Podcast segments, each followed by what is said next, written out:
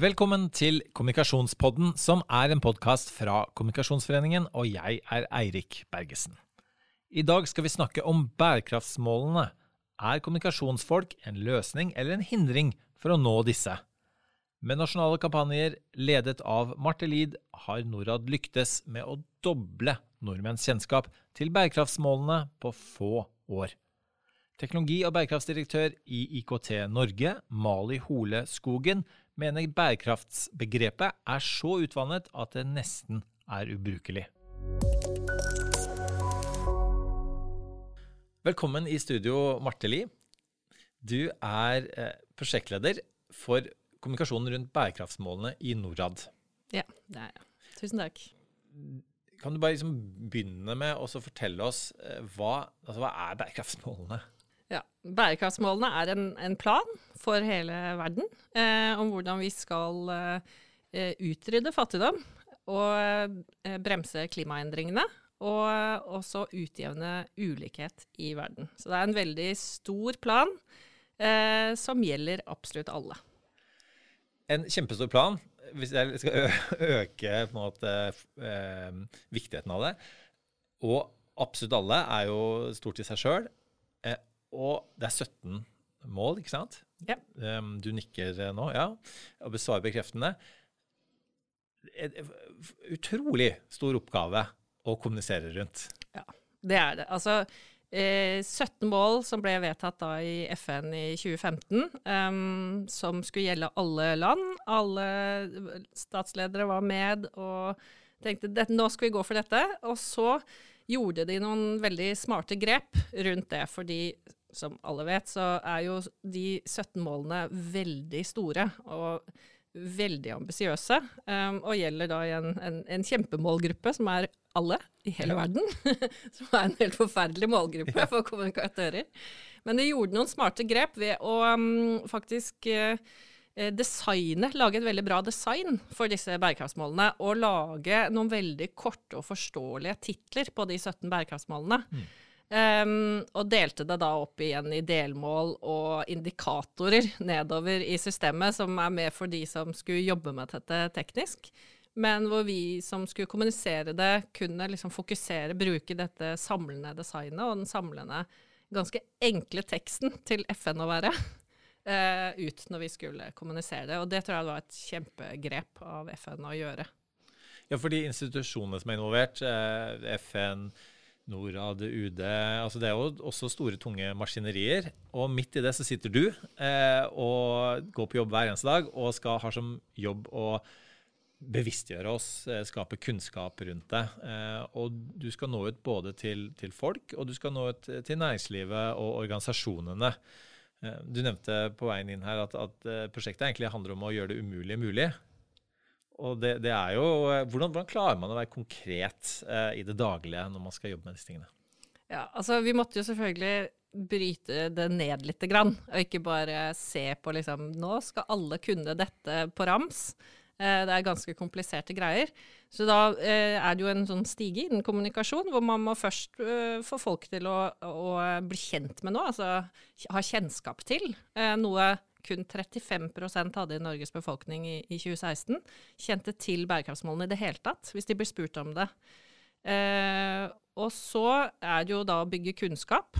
Eh, og så kommer vi til handling og holdning, som jo involverer veldig mange i Norge. Men på det tidspunktet, siden veldig få kjente til det, så eh, fikk jo vi i Norad, eh, som har kommunikasjon som en av våre fem hovedoppgaver, så vi har en ganske stor andel kommunikasjon i vårt arbeid. Mm. Eh, vi fikk også et oppdrag om å gjøre bærekraftsmålene eh, kjent i Norge. Altså engasjere og skape kunnskap om bærekraftsmålene i hele Norges befolkning. Som var et mye bredere kommunikasjonsoppdrag enn det vi egentlig jobber med til daglig, som er utvikling eh, og bistand i fattige land. Så eh, da måtte vi dele det litt opp, og så måtte vi begynne på starten. Altså rett og slett skape engasjement og entusiasme. Um, og gjøre det umulige mulig, da.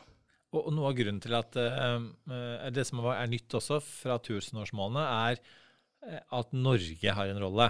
Uh, at det ikke lenger bare er utviklingsland som, har, uh, som selv skal gjennomføre disse målene, men, men alle land ja. også Norge. Mm. Og, og, vi er ikke engang best når det gjelder alle bærekraftsmålene heller. Nei, det er vi ikke, faktisk. Um, vi henger etter på noen, vi gjør det. noen av dem. Vi gjør det. Det er jo 17 mål. Ja. Og noen er liksom, noen delmål handler om malaria og hiv og aids og sånne type ting, så vi tenker der, der killer vi det. fordi vi har jo ikke det i Norge noe særlig, og vi gjør det veldig bra på helse og utdanning. Um, men så har vi jo mål som handler om bærekraftig produksjon uh, og forbruk, mål nummer tolv. Og der scorer ikke Norge så høyt. Der er det mange vestlige land, og blant dem Norge, som scorer ganske lavt. Vi er ikke så gode på Dårligere enn tradisjonelle utviklingsland? Ja, dårligere enn de fleste land i Afrika. Ja. Eh, jeg vil tro alle. Men din jobb er jo, er jo da å få nordmenn ikke bare eh, til, til, å lære og bli kunnskapsrike, eh, men også engasjere seg og gjøre noe eh, med det. Um, og hvordan er det på en måte skiller f.eks. kommunikasjon til folk eh, og til næringslivet? Ja, altså vi, når vi begynte med dette, så var vi litt opptatt av folk flest, faktisk. Så da begynte vi med hva vil appellere til en stor gruppe mennesker i Norge. Og som vi snakka om tidligere, så overgangen fra tusenårsmålene, som var en, en, litt lignende plan, men den gjaldt bare de fattige landene i verden, egentlig. Eh, hvor de skulle utvikle seg. Og så kom denne planen, som gjaldt oss alle, og hvor vi alle skulle utvikle oss eh, på både sosiale, økonomiske og klimamessige eh, hensyn. Så da eh, måtte vi først liksom nå ut til alle og finne noe som var en fellesnevner. Eh, og det var da vi lagde det som heter Nattevandring for bærekraftsmålene, hvor vi eh, hadde et kjempebra samarbeid med Turistforeningen. Eh, som jo er en organisasjon med, med utrolig mye flinke folk, mm. og som har masse frivillige, og som er litt sånn folk flest, egentlig. Mm. Eh, og som er engasjert i natur. Men så, når man da går videre i, i samarbeidene, så er det jo også viktig å ha med kommuner eh, og næringslivet. Eh, så da, når vi hadde eh, noen gode tanker da, rundt hvordan vi ville nå ut til folk flest, så tok vi kontakt med eh, lokalt næringsliv og kommunene. Vi ønska å ha nattevandring for bærekraftsmålene og etter hvert bærekraftsmåluker. Eh, og snakke med de hva de hadde lyst til å bidra med. For det er jo veldig viktig at folk eh, og organisasjoner og bedrifter på en måte ser på hva er det, det som er viktig for dem, og hva de kan bidra med. Eh, og også var det veldig mange som ønska å bruke eh, det vi jobba med, inn i sin egen organisasjon for å bygge bevissthet om bærekraftsmålene. Eh, og det har vi sett mer og mer av, faktisk. Og Du nevnte også eh, til meg eh, altså et eksempel med, med Rjukan og Gaustadbanen ja. som jo er, er en næringslivsaktør. Hva, hva, skjedde det der? Jo, altså, eh, Rjukan er jo et veldig flott sted i Norge. vi, når vi først fikk denne oppgaven om å gjøre det umulige mulig, ved å gjøre disse bærekraftsmålene kjent og, og faktisk hjelpe verden med å nå de, eh, som, altså De må jo være kjent før vi når dem. så eh, det er liksom første steg på veien. Så tok vi kontakt med Rjukan kommune eh, og aktører der for å ha en drodling, en åpen drodling i, i Tinn eh, om hva skal vi finne på. Og da, eh, for å markere dette. Og da lagde vi sammen en idé om eh, Og dette var folk fra liksom, Gullsmeden og speiderlederen og eh, noen fra flyktningmottaket og alle mulige folk som kom på dette møtet. Og vi hadde en, en eh, sånn drodlesession, sånn som vi har i kommunikasjonsbransjen innimellom. Ja, ja. Um, og kom fram til at vi skal ha rett og slett en, en vandring, en People's Summit, på toppen av Gaustatoppen. Midt på natta. For uh, det blir jo veldig fine bilder av det, som kunne gå verden rundt. Eh, og, og, markere da, at nå er vi i gang med bærekraftsmålene, og bli kjent med de, lage da kommunikasjonstiltak gjennom dette. Eh, og da måtte vi også ha med næringslivet. Og en av de store aktørene der er Gaustadbanen. Eh, og eh, som jobber med både næringsutvikling med selve banen, som den hemmelige Nato-banen som går midt inne i Gaustatoppen, som gjorde at dette var et sted vi kunne ha det. Fordi en av eh, prinsippene med bærekraftsmålene er jo at alle skal med. Så vi kunne ikke ha et sted hvor folk med f.eks. Eh, eh, som satt i rullestol, da, ikke kunne være med. Så da hadde vi med oss eh, Gaustadbanen. Og de eh, er en veldig engasjert gjeng. Halvor Haukås som eh, leder dette, han driver jo også med næringsutvikling eh, rundt eh, bedrifter og, og mye um, turisme eh, i det området. eh, tok imot og så liksom potensialet veldig. Både selvfølgelig for hva man kan få med inntjening og arbeidsplasser i området, men også hvor viktig da bærekraftig reiseliv kan bli for Rjukan. Eh, og det var helt eh, fantastisk å jobbe sammen med en næringsaktør som på profesjonelt vis eh, tok bærekraftsbegrepet da, og bærekraftsideen inn i sitt arbeid, og som over tid har har utvikla dette videre. Um, så det syns jeg var kjempespennende. Og, og eh, eh, siden starten så har dere hatt eh, 67 000 eh, personer som har vært med på disse nattvandringene, så jeg? Jeg tror vi faktisk har over 70. Men det er også fordi ja. det er noen nattevandringer som, ikke, som andre har hatt. Uh, F.eks. Næringsforeningen i Bergen har satt i gang med egne nattevandringer etter vårt konsept. Og andre, eh, andre eh, også tiltak som dere har gjort, er bl.a. bærekraftstesten. Ja. Den har jeg tatt, og den, er, den, anbefaler alle å ta. Der er URL-en eh, Verdens viktigste mål. Verdens viktigste mål, og Går man inn der, så det er ikke mange minuttene det tar, så eh, skal man da eh, svare på noen spørsmål. Eh, og så får man frem hvilket bærekraftsmål er det viktigste for deg. Ja. Um, jeg kan avsløre at det viktigste for meg var fred. Nei, Fredsarbeid. Det er ganske fint. Og som en gammel UD-byråkrat så, så jeg tenker at det er ganske passende. Det betyr jo at eh, noe av det gamle henger ved. Hva, hva var, var, det når du har testa det? Jeg har jo da testa den flere ganger og fått si litt forskjellige svar. Litt forskjellig, ja. Men det er litt fordi er jeg har eh, gjort litt sånn forskjellige vurderinger gjennom. Men er, jeg tror likestilling er det som jeg som oftest har landa på. Men, men, ikke sant, og det eh, poenget er jo at eh, det er mange som har tatt den testen. Ja. Uh, og jeg så også at uh, du nevnte i stad at i 2016 så var det 35% som hadde kjennskap til bærekraftmålene. I 2019 var det oppe i 60% så dette fungerer jo åpenbart, ja. det dere gjør. Og vi har faktisk hatt en måling etter det som vi ikke har publisert, men den er oppe i 69% i slutten av 2020. Så da var vi ja, nesten dobbelt da, av det vi hadde i 2016. Det er veldig imponerende. Og hvis vi også ser på tall fra Opinion, som jeg vet at dere bruker, så, så, vil seks av ti ha strengere reguleringer når det gjelder uh, bærekraft. Uh, og 55 er veldig bekymret for miljøet. Så det er en økende bevissthet rundt dette. Absolutt. Som både dere er med å, å skape, men også som dere kan nytte dere av. Mm. men hvordan er det altså Det er jo fort gjort at denne, denne typen spørsmål gjør at det er litt overveldende for folk uh, at det er mye dommedag. og uh, Hvordan jobber dere med, med rett og slett også ja, få folk til å måtte, forstå at de har en rolle å spille? Ja, Det er jo kanskje litt av poenget med den testen også. At uh, det blir så overveldende, og man ikke ser de enkelttingene. Og kanskje heller ikke helt forstår at det handler om deg, da. Og ditt hverdagsliv. Når man hører om prat om hiv og aids og store liksom, fattigdom i verden. Eh, men i testen så har vi forsøkt å dele det opp litt i biter. Litt, sånn, litt etter mal fra NRKs eh, partitester, men eh, hvor vi har prøvd å gå litt mer inn i, i hva som er viktig for deg, da, for å gi deg et innblikk av at det finnes noe i alle bærekrafts... Altså de bærekraftsmålene har, har alt mulig. Det handler om trafikkdødelighet, og det handler om eh, eh, ja, bærekraftig mat eh, og produksjon av mat, og det handler om eh, eh, alle mulige ting hva dine egne barn skal lære på skolen, nesten. Eh, så derfor, så når de tar denne testen, så kan de få vite litt mer om eh, vi har jo f.eks. en del folk som er veldig opptatt av infrastruktur i Norge. Mm. Eh, langt land, eh, mye infrastruktur som må holdes i orden. Eh, og det er det et eget mål om, av infrastruktur og innovasjon. Og det er også litt overraskende på folk, da. Eh, så det er litt fint å vise fram de delene, at her, her, er det viktig med mange deler i, i, i, samfunnet, og det er noe for alle, egentlig, mener jeg, da, i de bærekraftsmålene. Og så er det igjen viktig for oss at uh, det skal vise litt at det henger jo også sammen. Alt henger sammen med alt. Mm, mm. Uh, men da kommer vi tilbake til ja, Gro Harlem Brundtland, som startet dette bærekraftsmål, eller bærekraftstankegangen. Uh. Med sin rapport i FN i sin tid. Ja. Mm. Eh, altså, eh, og når alt henger sammen med alt, så, så, kan det bli litt ullent for folk. Eh, mm. og eh, vi har et lyttespørsmål fra Katrine eh, Seisler. Hun er seniorrådgiver ved Oslo OsloMet.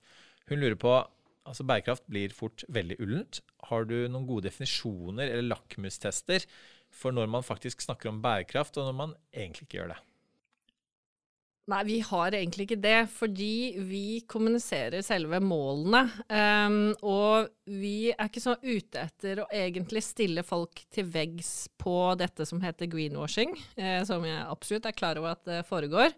Men når vi prøver Som handler om at, at man, later, eller man bruker alibier for ja. å late som man gjør mer enn man egentlig gjør. Ja, og det vil jo være mer og mer av det nå, tenker jeg. Altså, Folk vil gjerne være med på denne bærekraftsreisen, men har forskjellige definisjoner av hva er egentlig bærekraft.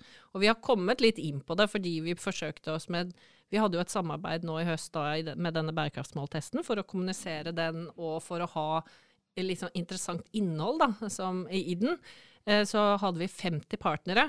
Og da var det jo ikke sånn at alle de partnerne nødvendigvis drev med noe som alle andre var helt enig i. Vi hadde partnere som, som er eh, veldig opptatt av eh, f.eks. Um, å kutte kjøttproduksjonen, eh, kanskje helt.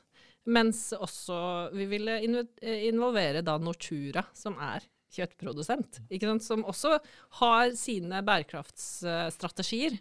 Eh, men som eh, i da noens øyne hvor bærekraftstrategien er liggende hele greia. Mm. Eh, og det, det, der prøver vi å være veldig åpne um, på at, at, alle kan være med, og alle, men alle bør ha en plan og en strategi for å nå bærekraftsmålene. Uh, og ikke bare sånn greenwashing. Men det, det, er, ikke, det er ikke noen sånne lakmustester. Det er litt lengre samtaler og sånn uh, rundt det før vi kommer fram til uh, det vi altså, man, eh, man, har jo rukket veldig mye. Det, man har klart, selv den umulige oppgaven til tross, å komme langt når det gjelder eh, arbeidet med bærekraftsmålene. Men eh, som vi jo vet, så har korona eh, bremset den utviklingen ganske kraftig på en del områder. Og man har sett eh, ja, store forskjeller på, på nord og sør. Eh, enten det er, er vaksinedistribusjon eller, eller, andre ting. Og kanskje har det også skorta litt på solidariteten rundt omkring. Hva, hvordan har, har, dere møtt eh, koronautfordringen når det gjelder eh, dette arbeidet? For å unngå at, kanskje, at folk mister helt motet.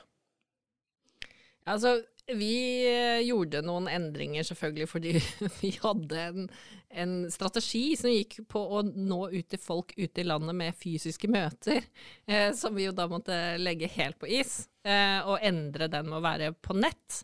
Eh, men det vi også prøvde å gjøre, var å involvere flest mulig i å liksom holde da At vi hadde 50 partnere fra NHO, LO, Sporveien eh, til eh, Sparebanken og Telenor og en del store bedrifter, og kommuner som er engasjerte. Tromsø, Universitetet i Bergen, Universitetet i Tromsø. og prøve å liksom være med på den løftet at vi fortsetter på den veien vi er, da. som veldig mange, og da må jeg si næringslivet og kanskje enkeltkommunene også, har vært veldig foran eh, det jeg vil si staten er, på mange, mange felt når det gjelder omstillinga til et mer bærekraftig samfunn. Eh, mange bedrifter har sett eh, verdien i bærekraft, sirkulærøkonomi eh, og, og, flere deler av bærekraftsagendaen på, på veldig høyt nivå. Og der tror jeg Jeg tror ikke det er en bølge som stopper nå med covid. Mm. Eh, men tilbakeslagene på covid handler jo om de store eh, kampene ute i verden, med fattigdom, eh, skolegang altså, og, eh, og, sykdom, da, selvfølgelig. Hvor eh, ni av ti gikk jo på skole. Ni av ti barn gikk på skole før covid. Um, vi hadde halvert fattigdommen i tusenårsmålene med tusenårsmålene. Mm. Uh, og barnedødeligheten hadde falt med to tredjedeler. Og så er vi tilbake der hvor man sier akkurat nå at ni av ti barn er ikke på skole uh, pga. covid.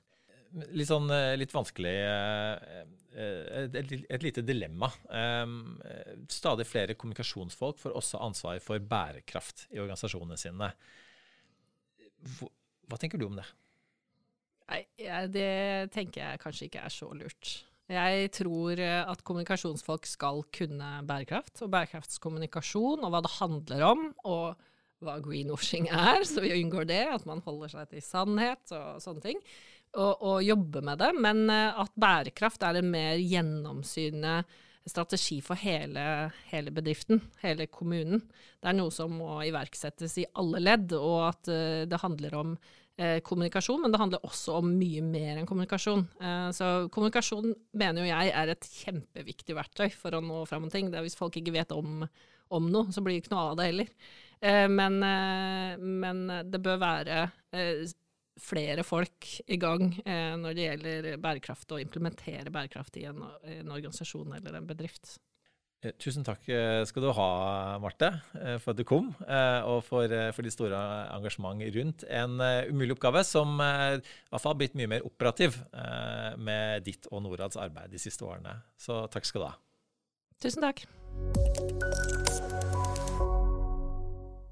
Velkommen hit i studio, Mali Hole Skogen. Du er teknologi- og bærekraftdirektør i IKT Norge. Tusen takk for at du får lov å komme. I en heldigital uh, hverdag så tillater vi oss å møtes i studio. Det er jo ganske fint, det også. Uh, og Kan ikke du bare begynne med å si uh, helt kort, hva, hva, er det IKT Norge gjør? IKT Norge det er bransjeforeningen for IT-selskapene i Norge. Vi er ca. 400 bedrifter, stort og smått. Det er Facebook og Huawei, og så er det oppstartsmiljøet i Norge. Og, og vi representerer alt fra telekom, eh, eh, software, hardware og òg eh, de som jobber med rådgivning, eller eh, gjerne rådgivningsbransjen, om du vil. Mm. Og du som er både teknologi- og bærekraftdirektør, hvordan henger det sammen? Har det noe med hverandre å gjøre? Det har det. Og jeg må si at eh, jeg er heldig som får lov å jobbe i en bransje som har det er to viktige aspekter av det. Det ene er eh, materialfotavtrykket til bransjen og energifotavtrykket til bransjen, som er massivt pga. digitaliseringen. Men det andre er at eh, dette er jo en bransje med folk som leverer den nyeste teknologien, de mest banebrytende løsningene, og som jeg personlig tror kan være med å lage de, den bærekraftige utviklingen som vi alle trenger. Og jeg har bare lyst til å si helt kjapt jeg tror at kvantecomputing kommer til å gjøre revolusjon på medisin. Jeg tror at kryptovaluta kommer til å bety mye for de som skal løftes ut av fattigdom. Jeg tror at eh, utrullingen av 5G og ny uh, digital infrastruktur kommer til å bety mye på kunnskapsutvikling i Norge. Eh, og jeg tror at blokkjede kommer til å være den viktigste teknologien for sirkulærøkonomien. Så jeg får jobbe med de tingene der, og det er jeg glad for. Og du er jo åpenbart i en bransje som, som måtte ha fått liksom oppgaven om at, å løse nærmest eh, klima- og en del bærekraftsutfordringer. For det kan vi jo bare ordne med teknologi, blir det gjerne sagt. Men er det egentlig så enkelt? Nei, det er det absolutt ikke. du, du, har nevnt mange, mange eh, utfordringer nå som, som, dere åpenbart er, er bevisst på. Men det er en del ting som folk kanskje ikke tenker om, og som du også har nevnt. Dette med digitalisering og dette med um, miljøutfordringene det gir, f.eks. Det er jo noen, det er noen fotavtrykk der som er i ferd med å bli ganske voldsomme. Ja, og det er ikke noe tvil om det. at uh, Hvis du tenker på at uh, vi har fått økt tilgang og bruk av internett og skytjenester, uh, vi har IOT-revolusjonen, vi har fremveksten av smarte byer. vi har automatisering av industrien, og på toppen av det digitaliseringen av hverdagen som covid-19-pandemien har eh, ført oss inn i. Det betyr noe for oss som mennesker, men det betyr også mye for industrien. Så vi er ute i en ny hverdag alle sammen, som handler om at eh, ja, kanskje noen vil gå så langt som å si at dette er en digital revolusjon vi står oppe i.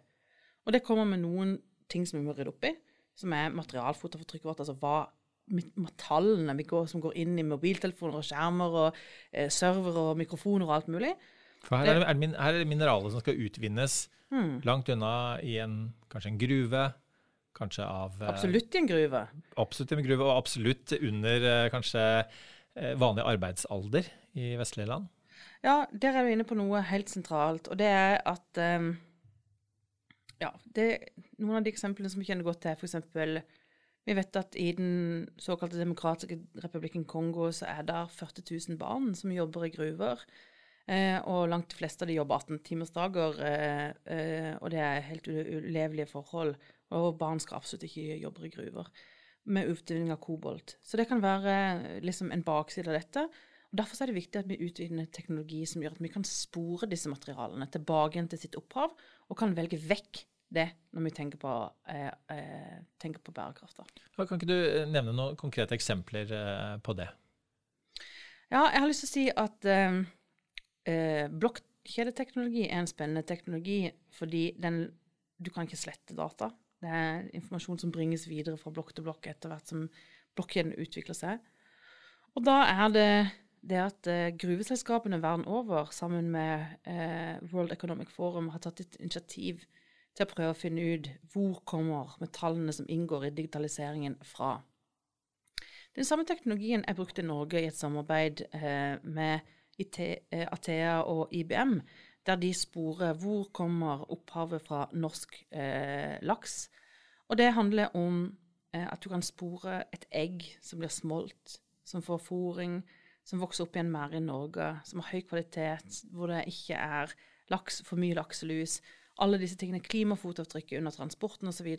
Og òg alle som prøver å utgi seg for å gi ut norsk laks, eh, blir tatt på det med denne typen teknologi. Så det heier på. Altså, proof is in the pudding, men proof is absolutt mye mer i blokkjedet. Så det er en teknologi vi skal eh, se komme. Og så ser vi også at, eh, selv i Norge så ryddes det skog, for der skal det havne store serverparker. Ja, nå, nå, nå, spiller du på noen strenger her som vekket et uh, enda større engasjement, og det er at eh, hvert klikk, hvert like, uh, hver film du ser, hvilket spill du spiller, og nettavis du ser det som, altså, Se for deg at pandemien hadde kommet i 1997, hvor du ikke hadde e-post, og ikke nettbutikker, ikke nettaviser, mm. ikke nettbank, ingenting. Det har vi nå. Og det er en del av vår digitale infrastruktur som Norge ligger langt, langt foran på eh, i verdenssammenheng, som gjør det mulig. Og den digitale infrastrukturen vår består ikke bare av fiberkabler som går hjem til deg. Den består også av datasentre som lagrer og prosesserer enorme mengder data. Og det er ikke bare fordi du kan se på Netflix at eh, vi har de datasentrene. Det er òg fordi vi skal kunne automatisere industrien eh, og bygge ny næring i Norge. Så jeg tror at eh, når den debatten dessverre har tatt en retning av typen at eh, datasentrene er en slags uh, forurensende stor eh, bygning som står ute på et matjord og bare tar opp plass, istedenfor at det er et ekstremt viktig virkemiddel i kampen mot klimaendringene, som det reelt sett er, mm. Eh, så har vi bomma på kunnskapsnivået i den debatten. Eh, og den, de ligger langt foran i Sverige, hvor dette er åpenbart, og også i Danmark. Mm. Og, men, men det, det, er jo den heltebildet om teknologien som skulle redde miljøet, den har iallfall blitt nyansert. Eh, og det er ikke like enkelt å kommunisere eh, alle disse nyansene som, som du nå er eh, flink til å gjøre. Eh, hva, hvordan angriper du og dine medlemmer dette her helt konkret for å, for å informere publikum eh, rundt dette? Vi henger langt, langt etter Sverige, sier du. Ja, blant annet så var det sånn at eh, Eh, for et års tid siden, når vi var på full vei inn i pandemien, så gikk eh, ordføreren i Stockholm ut og takka datasenterbransjen for å spille den avgjørende rollen i kampen mot klimaendringene og pandemien som de gjorde. Vi ser ikke sånne ting i Norge enda, dessverre. og Det betyr at vi, kunne, vi har en liten vei, å gå når det kommer til både kunnskapsutvikling og den politiske forståelsen av digital infrastruktur. Jeg vet at du er litt skeptisk til at kommunikasjonsfolk ofte er de som får også bærekraftansvar i mange selskaper, også sikkert blant dine egne selskaper. Ja. Hva, hva, er utfordringen med det? Ja, det er jo en liten trend at liksom eh, Enten så ansetter du noen som kan eh, noe om bærekraft i relasjon til det bedriften, produktet du leverer, statlige institusjonen, etaten du leverer, du, du, du leder. Eller så får du en kommunikasjonssjef som er jækla god til å snakke om bærekraft. Det er utfordringer med det. Vi er kommet så langt i Gutter Norge at eh, våre ansatte og vi oppfordrer alle våre medlemmer til ikke snakke om bærekraft uten å fylle det med innhold. Og det er fordi at eh, buzzword bærekraft det kan inneholde alt mulig og ingenting. Det er lett å strø rundt seg med, og hvis du setter et eller annet sånn bærekraft på noe, så eh, kan det trekke folk og interesse og sånne ting som det der. Um, jeg tror det er en dum idé å snakke om bærekraft. Jeg tror det faktisk er skadelig for hele bærekraftbegrepet at eh, man snakker så løst om det, og ikke fyller det med innhold. Og det handler om at verden står oppi en haug med kriser. Altså, se på Norge. Norge må utfase oljeindustrien. Vi skal gjennom en eldrebølge, et grønt skifte, et digital, digitalisering av økonomien og sirkulær økonomi. Vi skal bygge 250 000 eh, arbeidsplasser, og vi skal gjennom et grønt skifte. Og vi er et av verdens lykkeligste land land som har kjempestor tilgang på ressurser. Hva med alle de andre? Vi har kjempestore utfordringer når det kommer til bærekraft, og derfor så tenker jeg at hvis du vil bruke det, så fyll det med innhold. Bruk eksempler. Vær retningsledende, og, og, og ikke, ikke gjør det til noe svada-greie. Og, og, hva tenker du eh, Det er vel en fare også hvis teknologer alene jobber med bærekraft og ikke får kommunisert eh, alt det positive de gjør. Så hvis du eh, skulle sette sammen et lite team under deg da, som direktør i IKT Norge, som, og du har kanskje allerede gjort det, som jobber både med kommunikasjon og noen som jobber med teknologi, hvordan er det de best skal samarbeide for både å eh, utarbeide planer og, og formidle eh, planene? OK, Erik, nå kommer jeg med en erkjennelse her. Uh, og det er at um, jeg tror det norske skolesystemet ikke er ordentlig samstemt med den teknologiske utviklingen, og heller ikke med de behovene vi har i AS Norge i fremtiden. Um, jeg tror at vi trenger å innføre teknologi og digitalisering i alle fag på alle skoletrinn. Uh, og det er fordi at uh, vi ser f.eks. at IKT Norge, som jeg jobber i, hvor jeg kunne ansette noen, uh, så har vi tradisjonelt sett hatt bedrifter som ja, eh, kommer fra tradisjonell IT. Og nå har vi plutselig fått eh, oppdrettsselskaper, eller vi har fått transportselskaper eller andre om bord som ser på seg selv som teknologiutviklere. Det er for meg til å tro at det er viktig for AS Norge at utdanningssystemet, uansett hva vi skal leve av etter pandemien, og uansett hva vi skal leve av etter oljen, så handler oppdrett, gruvedrift, eh, transportsystemet, infrastruktur, alle andre næringer handler om å bli best på teknologi og digitalisering. Og Derfor så tror jeg òg det er veien å gå. Så hvis jeg skal ansette noen under mitt team, så hadde det vært de, Altså, man skal ikke ansette folk som ikke er smartere enn seg selv. De smarteste folka jeg kan få tak i, som skjønner at digitalisering og bærekraft ikke bare handler om at man skal opprette et fag om digitalisering eller et fag om bærekraft, men som greier å se at dette er noe som er inn i alle områder, og som var supergode på å få det til. Så eh, løsningen på, på, å fremme både teknologi og bærekraft er rett og slett at, at alle, også ikke minst kommunikasjonsfolk, eh, eh skoleres eh, i det og forstår på en måte helheten eh, man, man, trenger for å utføre dette. Altså, det er mulig jeg kaster en stein i et glasshus her, men jeg tror at kommunikasjonsfolk som kan noe om teknologi, har bedre forutsetninger for å lykkes, både innholdsmessig sett og i jobben sin, hvis, eh, eh, hvis de har en tverrfaglig kompetanse som akkurat det. Eh, eh apropos det tverrfaglige, vi har et lyttespørsmål også fra, fra sektoren. Eh, Karoline Dokken Wendelbord hun er kommunikasjonsrådgiver i eh, Zero, miljøorganisasjonen. Hun spør hvordan kommuniserer man hvordan man skaper handling og på en måte ikke motløshet. Eh, hvordan kommuniserer man at det er realistisk å nå bærekraftsmål, som jo er veldig ambisiøse? Ja, eh, det var egentlig et fint spørsmål å få, for det er en liten fanesak for meg. Og det, det er bærekraft, digitalisering, sirkulær økonomi. Det er lett å strø rundt seg med disse ordene her, spesielt bærekraft, kanskje. Og jeg tror at alle som snakker om det, de uthuler begrepet hvis ikke de greier å fylle det med ordentlig innhold.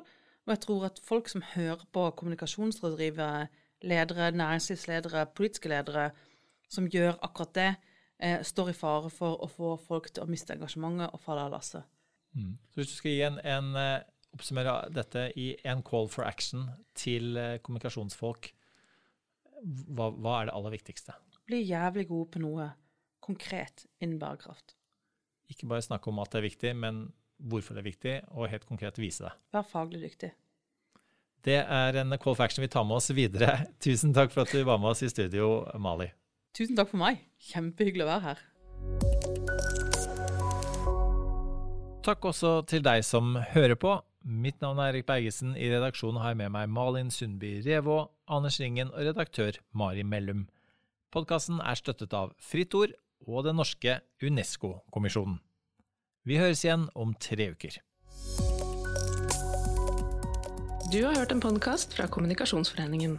Les mer om oss på kommunikasjon.no.